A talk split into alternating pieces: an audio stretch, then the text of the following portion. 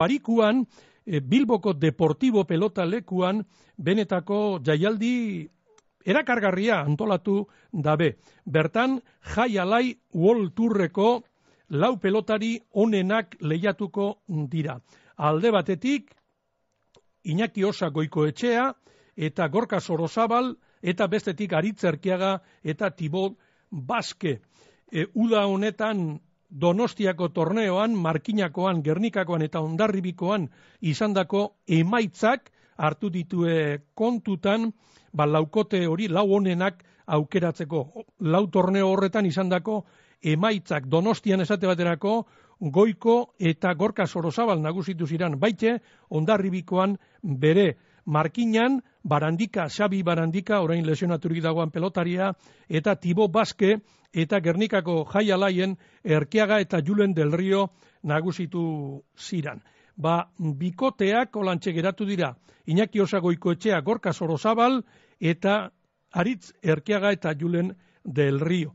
Eta horren eh, partidu horren aurretik emakumezkoetan Euskal Federazioak antolatzen dauen elite txapelketea jokatu daben lau pelotari lehiatuko dira.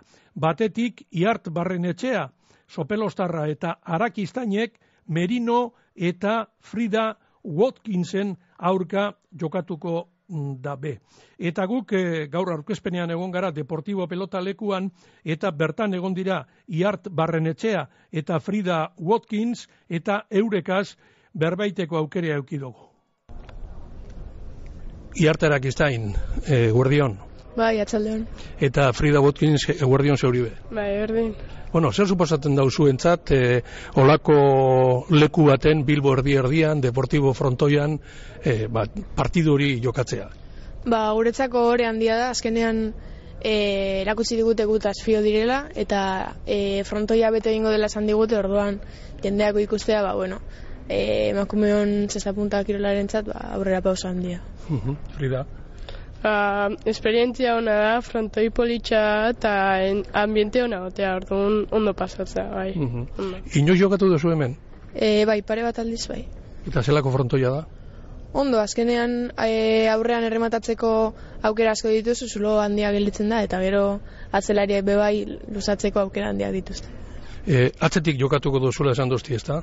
E, bai, biak ara aurrelariak orduan, ba, bueno, e, tokatu zait, eta ia.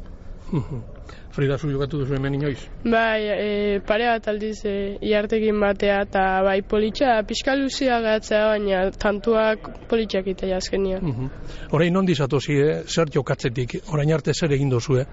E, Euskadiko elite txabelketa jokatu dugu, muntrikun, izan dira bost e, bariku, eta, bueno, nire kasuan txapela etxera, oso pozik. Uh Eta mm, baldaukazu ez partiduek esan gure dut, karo, guk ikusten zaitugu olako jaialdi konkretuetan, baina partidu asko jokatzen dozu ez?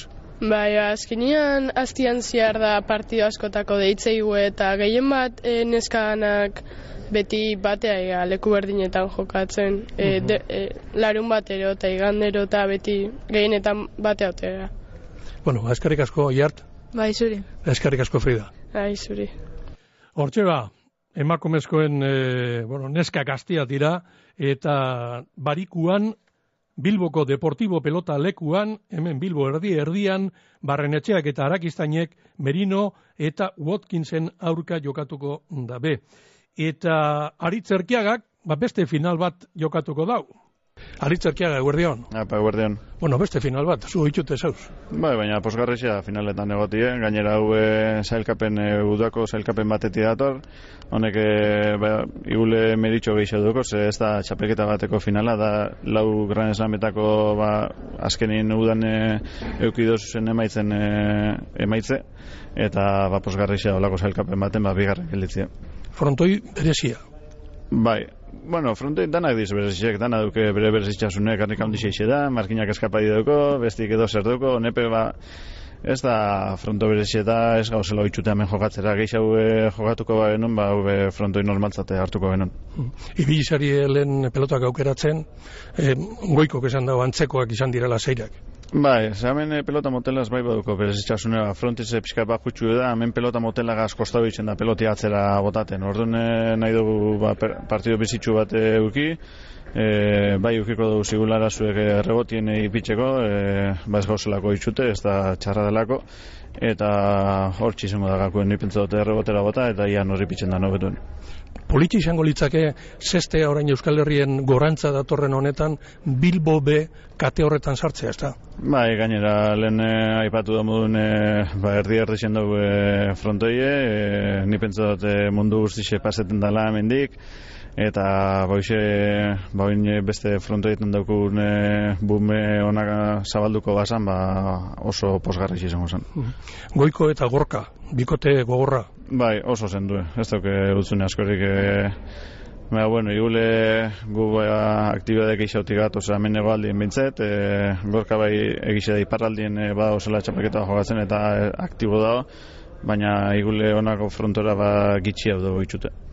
ZUP ondo jokatzetik, hau da, maila ona emotetik zatozie, Winter Seriesen bai zeuk eta bai baske. Bai, hori da, horzaitxik ba, igule gu ba, moralagaz igul bai geixau gatoz, Baina, bueno, eure e, kriston pelotari zediz, e, bak askorik ez dala ongo, orduan e, airera barik ba, botera jokatu biko dugu. Aritz, e, zelan ikusten zauz Winter Seriesa lau jardunaldi jokatu dira, zer ikusi duzu orain arte? Ba, hasierako partiduen ba, urduritasun asko gozan, baina bigarren eh, eta hirugarren partidu e, saletuek asko disfrutau daue, e, laugarren erako urrengo astelenako jasarrera danak saldute dauz, e, hori beti da posgarrixa, astelen e, buruzuri baten, e, bai izan e, mila eta berreun bono saldute egon zirenin ba, ambienti ongo zala ziurtatute, baina beste sortziren saldu diz, horrek nahi dago esan e, beste saletu be, animeten dela. Eta ja, albiste estana da, beteta egotea frontoia. Bai, baina bueno, e, lan asko dago handik eitzeko. E, bai e, profesionalen partidutara jentie hurbiltzen dela, baina horre lan asko dago eitzeko handik, e, gaztiek, e, sesteruek, e, pelotak, e, frontoiek be, ba, pixkate afinkau edo ba, pixkate landu inbidize frontoien egonkortasune topetako eta ba, bueno, jarraitzuko dugu. Aritzarkia, gaskarri asko. Bale, eskerrik asko zuri.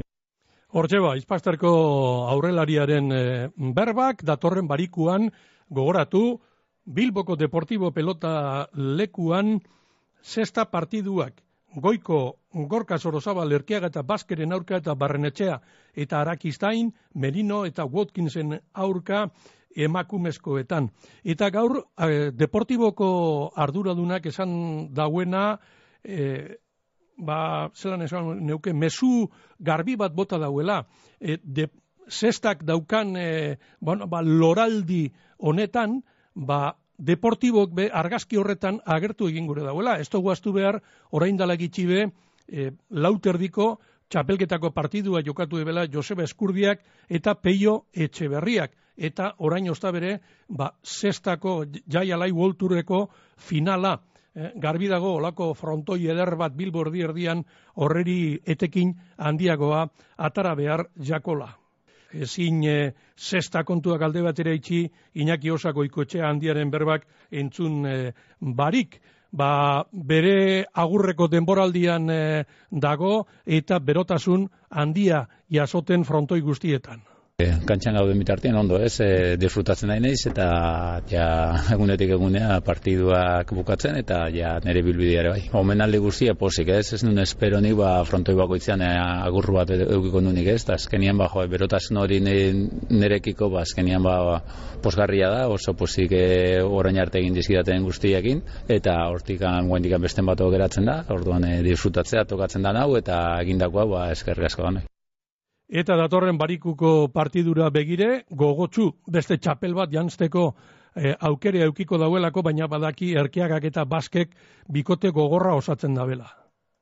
Bueno, frontoia eharra da, ez? E, bere berezitasun batzu badauzka, eskapada batzuk hartzen ditu e, pelotakin, baina, bueno, e, pelota bizitzen den bezala, ba, naturalago ipintzen da, eta nik uste joko bizi bat ikusteko gero izango dira frontoi honetan. Bai, aurkari gogorra, ez? E, aritz momentu honetan oso ondo da jokatzen, maila on baten dago, orduan ba saiatuko gana da beha joko kendu eta atzera kargatzen partida guztia.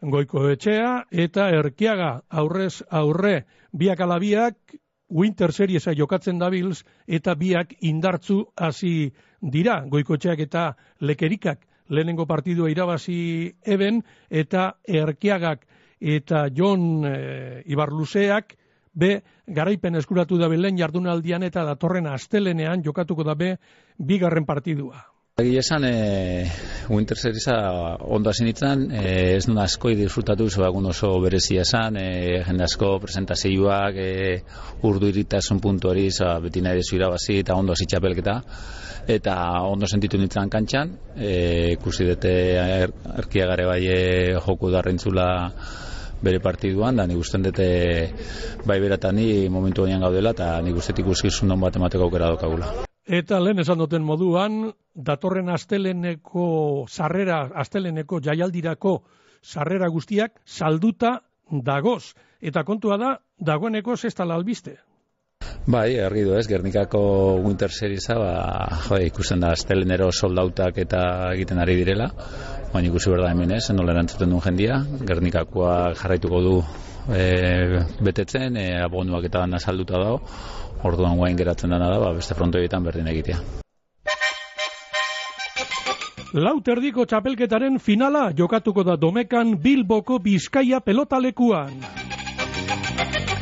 Jokin Altuna eta Peio Etxeberria izango dira aurrez aurre denporaldiko lehen txapelaren bila. Laute erdiko txapelketako finala domeka honetan narratzaldeko zeiretatik aurrera bizkaia irratian.